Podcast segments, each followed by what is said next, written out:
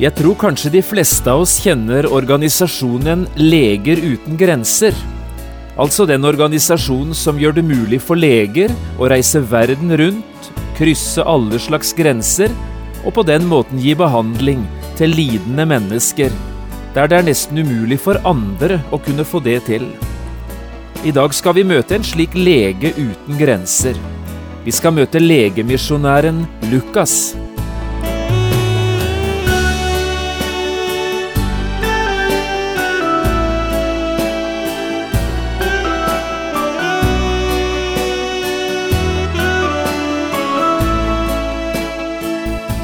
Hjertelig velkommen til et nytt program i serien Vindu mot livet. Programmet er produsert av Kristen Riksradio og blir ledet av Jon Hardang. Kristen Riksradio drives av frivillige gaver. Vi er glade for din støtte.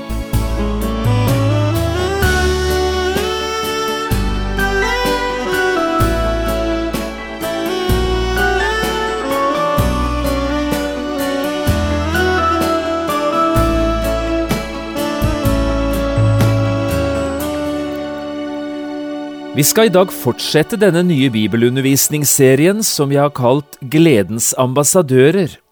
I tolv programmer skal vi åpne apostlenes gjerninger i Bibelen, og der møte en del av de personene som Gud brukte i den første kristne tid til å spre evangeliet om Jesus. I dag skal vi møte den første av disse personene, nemlig han som har skrevet den boka vi nå leser fra, Apostlenes gjerninger. Vi skal møte evangelisten og legemisjonæren Lukas.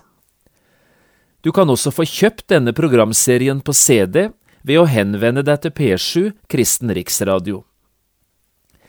Vi skal nå finne fram apostlenes gjerninger i Bibelen, og i dag lese de fire første versene i kapittel 1. Jeg har kalt dagens program Legemisjonæren. Og vi leser den første bok skrev jeg Teofilus, om alt det som Jesus begynte med, både å gjøre og å lære, inntil den dag da han ble tatt opp til himmelen, etter at han, ved Den hellige ånd, hadde gitt sine befalinger til de apostler han hadde utvalgt. For dem framstilte han seg levende med mange beviser, etter at han hadde litt. I 40 dager viste han seg for dem, og talte om det som hører Guds rike til. Da han var sammen med dem, bød han dem at de ikke skulle forlate Jerusalem, men vente på det som Faderen hadde lovt, det som, sa han, dere har hørt om av meg.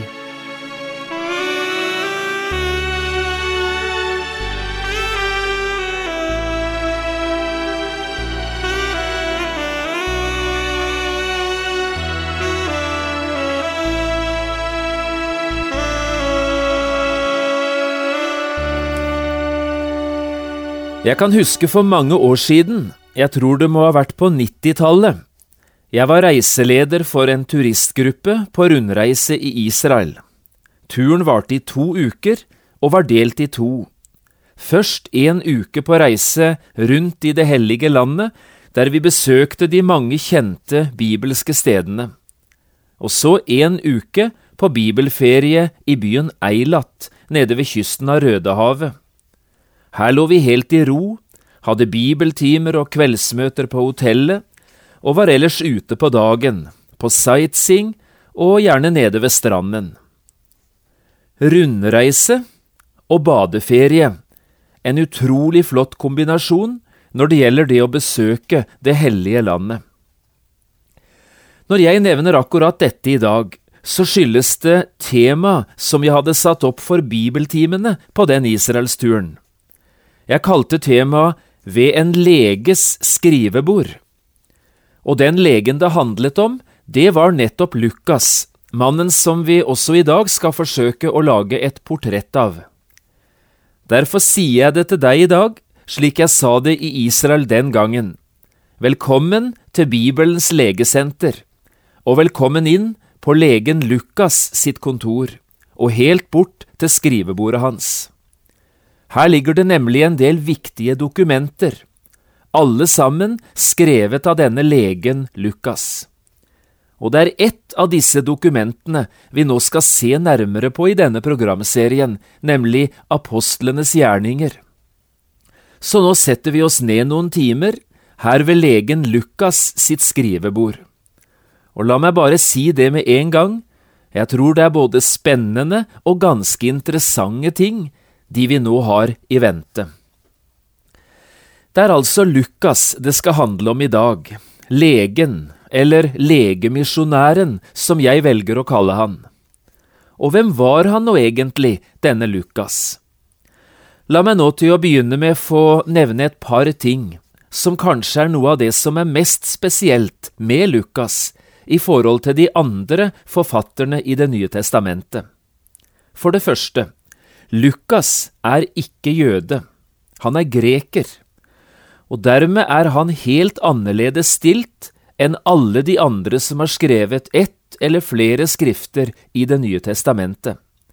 Han er faktisk den eneste hedningen Gud brukte når han skulle fullføre Bibelen, Den hellige skrift, og bakgrunnen er helt annerledes enn de andre forfatterne, og det legger vi tydelig merke til både i Lukasevangeliet og i apostlenes gjerninger. For det andre er altså mannen lege.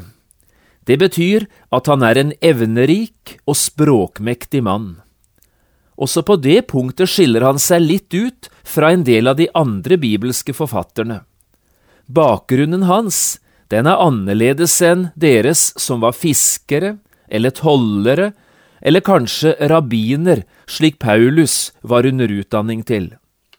Lukas har lest mye og har studert lenge. Han har tatt en krevende fagutdanning, han har praktisert et yrke som skiller seg ut fra det vi møter ellers blant gledens ambassadører i den første kristne tid. De to skriftene hans, evangeliet og apostlenes gjerninger, her møter vi et velformet gresk språk og faktisk flere hundre greske ord som vi ellers ikke møter i Det nye testamentet. Og når Lukas beskriver sykdom og helbredelse, så røper han en fagkunnskap som ikke finnes i noen av de andre bibelske skriftene. Ellers tror jeg de fleste av oss kjenner organisasjonen Leger uten grenser. Altså denne legeorganisasjonen der leger får reise verden rundt, krysse alle slags grenser, både når det gjelder språk og kultur og landegrenser, og der de særlig i tider med krig og ufred prøver å gi behandling til lidende mennesker, ofte under forhold der andre ikke tør eller har praktiske muligheter til å gjøre det. En ganske viktig organisasjon. Lukas er en slik lege uten grenser. Han er greker, men beveger seg over i et jødisk preget trosmiljø. Og hans virksomhet som misjonær den består i stadig reisevirksomhet, der han krysser den ene landegrensen og den ene språkgrensen etter den andre. Så dette er lege uten grenser. Også i Lukas' skrifter slår dette tydelig igjennom, at han er den grenseløse. I Lukas evangeliet, der finner vi et langt mer universelt eller internasjonalt preg enn vi gjør det i de tre andre evangeliene. Det er Lukas som forteller de best kjente samaritanhistoriene, for eksempel, både historien om den barmhjertige samaritan og historien om den spedalske mannen, han som Jesus helbredet, og som den eneste av ti kom tilbake for å takke Jesus. Og leser vi gjennom apostlenes gjerninger, ja, så er det nettopp Lukas som ruller opp for oss hvordan Jesu misjonsperspektiv og Jesu misjonsbefaling ble virkeliggjort gjennom apostlenes tjeneste. Det er Lukas, og det er ikke tilfeldig, det er Lukas som forteller om evangeliets seiersgang, fra Jerusalem til Judea, fra Judea til Samaria, og fra Samaria mot jordens ender. Og når Lukas gjør dette, ja, så gjør han det med en glede og en begeistring som savner sidestykket i hele Det nye testamentet. Jo, Lukas er virkelig en lege uten grenser. Men utover dette, hvem var Lukas egentlig? Hvor kom han fra? Og hvordan ble han en kristen? Hvordan artet tjenesten hans for evangeliet seg? Og på hvilke måter fikk denne dyktige legen være med å tjene Gud, som den gledens ambassadør han virkelig ble? Ja, jeg skal prøve å gi noen enkle svar på disse spørsmålene. Lukas var født i byen Antiokia i Syria. Iallfall er det slik vi får høre det i flere viktige skrifter fra Oldkirken. Han var som nevnt greker av fødsel og tok utdanning som lege. Men når ble han en kristen? Ja, det er det ingen som nøyaktig vet, men det finnes ett avsnitt i apostelgjerningene 11 som av mange regnes som Lukas' egen omvendelseshistorie, og det er ganske interessant å lese. Bakgrunnen for disse versene er følgende. Mange av de første kristne så seg nødt til å flykte fra Jerusalem etter den forfølgelsen som begynte med Stefanus, og som siden økte sterkt i denne byen. Og dermed skjedde det som vi leser om i apostelgjerningene 11, fra vers 19 til 21. Hør på dette. De som var spredt på grunn av den trengsel som oppsto i forbindelse med Stefanus, dro omkring like til Fønikia, Kypros og Antiokia, altså Lukas' hjemby, men de talte ikke ordet til andre enn jøder. Men noen av dem, noen menn fra Kypros og Kyrene, kom til Antiokia, hvor de også talte til grekere og forkynte evangeliet om Herren Jesus. Og Herrens hånd var med dem, og et stort antall kom til troen og omvendte seg til Herren. Slik forteller apostelgjerningene 11 det, og jeg sier igjen, vi vet ikke med sikkerhet når Lukas fikk høre evangeliet, eller hvordan Lukas kom til tro på Jesus men det er ting som tyder på at det nettopp er i denne forbindelsen vi nå leste om, at det skjedde. Dette er også grunnen til at hele Oldkirken omtaler Lukas som en disippel av apostlene. Det vi nettopp leste, må ha skjedd et sted mellom år 35 og år 40 etter Kristus, og Lukas han har da vært ca. 30 år gammel. Etter dette blir så Lukas borte fra bibelhistorien i noen år, før han så dukker opp igjen i forbindelse med Paulus' andre misjonsreise. Nå er Paulus i ferd med å forlate Tyrkia og reiser for første gang over til Europa, til byen Filippi. I apostlenes gjerninger har vi tre såkalte vi-avsnitt, til forskjell fra alt annet i denne boken, som Lukas forteller i tredje person flertall, altså om de og dem. Men i disse vi-avsnittene forteller Lukas det på den måten at vi forstår her var Lukas selv med på det som skjedde. Den første gangen vi møter dette vi-avsnittet, det er i apostelgjerningene 16, fra 10 til 17.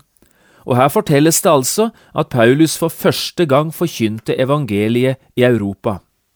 Og dette, som jo var en stor og grensesprengende opplevelse i misjonshistorien, det var Lukas selv øyenvitne til. Det andre vi-avsnittet, det er betydelig lenger. Det møter vi i apostelgjerningene 20 og 21. Nå handler det om siste delen av tredje misjonsreise, og om veien tilbake fra Filippi via Tyrkia og helt til Jerusalem. Ting tyder på at Lukas ble værende i Filippi etter at han kom dit sammen med Paulus første gangen. Og nå slutter han seg til Paulus igjen og blir med tilbake til Jerusalem. Det tredje vi-avsnittet det dreier seg om de to siste kapitlene i apostlenes gjerninger, kapittel 27 og 28. Paulus har nå vært fengslet både i Jerusalem og siden to år i Cesarea ute ved Middelhavet. Og ting kan tyde på at Lukas han har vært i nærheten av Paulus hele tiden. Men når Paulus nå blir sendt til Roma med skip, ja, så er Lukas med på sjøreisen via Kreta og Malta helt til kysten av Italia og opp til Roma. Paulus blir så sittende som fange i Roma to ganger, først i to år, der Lukas hele tiden er sammen med han, og blir nevnt av Paulus både i Kolosserbrevet og i brevet til Filemon. Hvor Lukas befinner seg mellom disse to fangenskapene i Roma, det vet vi ikke nøyaktig, men sannsynligvis er han også nå sammen med sin kjære venn og medarbeider. Og når Paulus for andre gang blir satt i fengsel i Roma og siden lir martyrdøden, ja, så er Lukas sammen med han hele tiden og følger Paulus helt til veis ende. Hvor Lukas så blir av etter Paulus' død, får vi ingen signaler om i Bibelen. Men den kristne tradisjon forteller at Lukas flyktet fra Roma, i likhet med en del andre, og bosatte seg i byen Akaya i Hellas.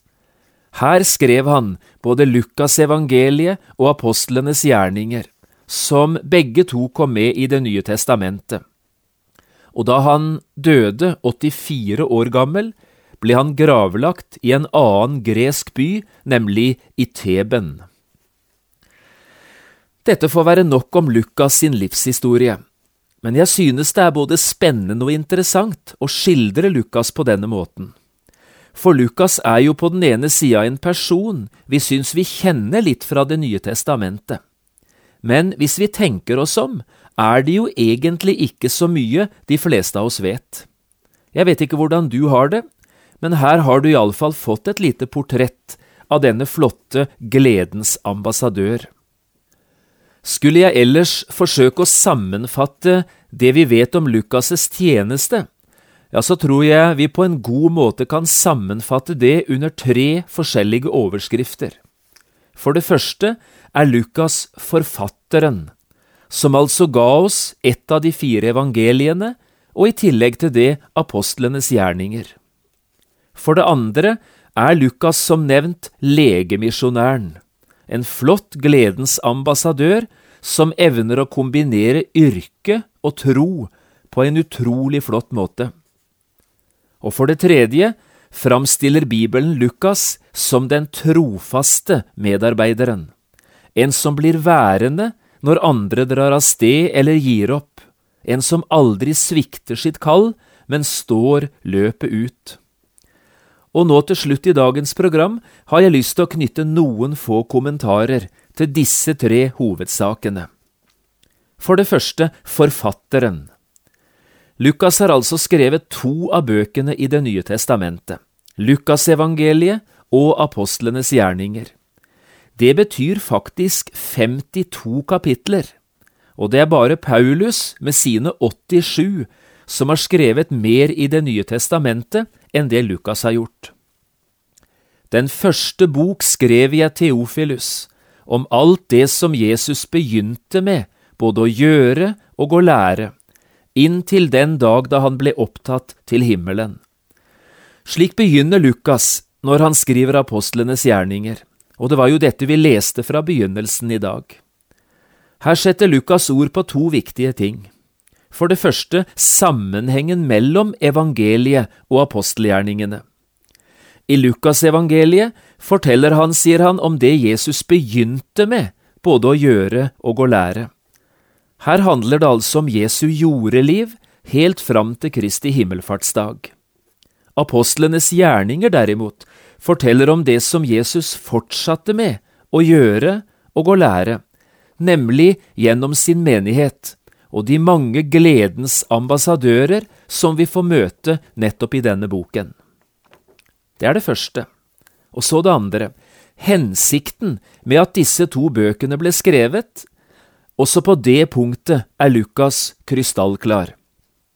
Begge bøkene ble skrevet, forteller han, til en mann som het Theofilus. Hvem denne mannen var, vet vi ikke konkret men han er sannsynligvis en betydningsfull, men ikke kristen person. Og nå brenner Lukas for at denne mannen skal bli frelst. Og for at det skal kunne skje, ja, så må Theofilus få lære en bestemt ting, nemlig hvor pålitelig de lærdommer er som du er blitt undervist i. Det uttrykket bruker Lukas i begynnelsen av evangeliet sitt. Pålitelighet når det gjelder evangeliet om Jesus. Det er altså hensikten med alt det Lukas skriver. Han vil hjelpe mennesker til tro på Jesus, nemlig ved å formidle hvor troverdig og hvor sant vitnesbyrdet er, vitnesbyrdet om Jesus. For det andre yrke og tro. Lukas er altså både lege og misjonær, og på den måten kombinerer han på en flott måte yrke og tro i sitt hverdagsliv. Dette gjorde Lukas sannsynligvis på flere måter. Paulus, hans nærmeste medarbeider, ble jo ofte forfulgt og slått, mishandlet og pisket, og han forteller flere ganger at han var døden nær. Tenk hvor viktig det da var å ha en kyndig lege ved sin side, som kunne hjelpe han og behandle han når livet var truet, og det gjorde Lukas. Ellers har nok Lukas selv praktisert sin legegjerning på de mange forskjellige stedene han kom for å forkynne evangeliet, og på den måten åpnet han ganske sikkert gjennom sin legegjerning mange nye dører for evangeliet. Akkurat på samme måten som mange misjonærer siden har gjort det på de forskjellige misjonsmarkene omkring i verden. I misjonshistorien er jo nettopp ordet legemisjonær et av de ordene som virkelig klinger.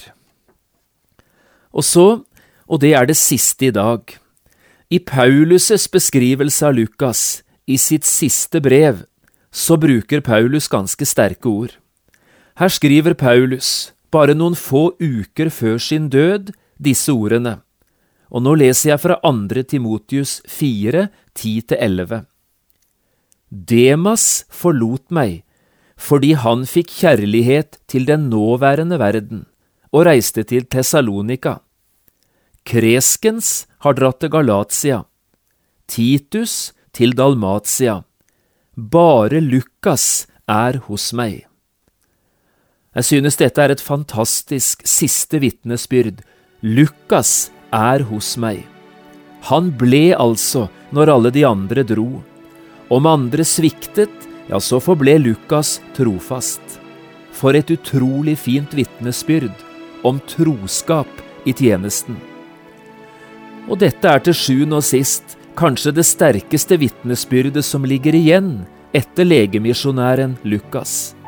Ikke bare gjennom sine ord, men like mye gjennom sitt liv, oppmuntrer han oss og sier, Vær tro inntil døden, så skal du få livets krone.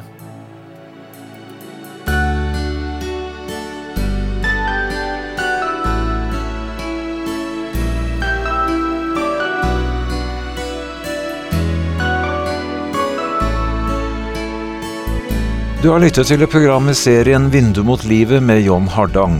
Programmene i denne serien kan også kjøpes på CD fra Kristen Riksradio, eller høres på internett på p7.no. Har du spørsmål eller kommentarer til det du nå har hørt, kan du ta kontakt med oss. Adressen er Kristen Riksradio, Skiene 2, 5353 Straume. Eller send en e-post vml alfakrøll p7.no. Takk for i dag, og på gjenhør.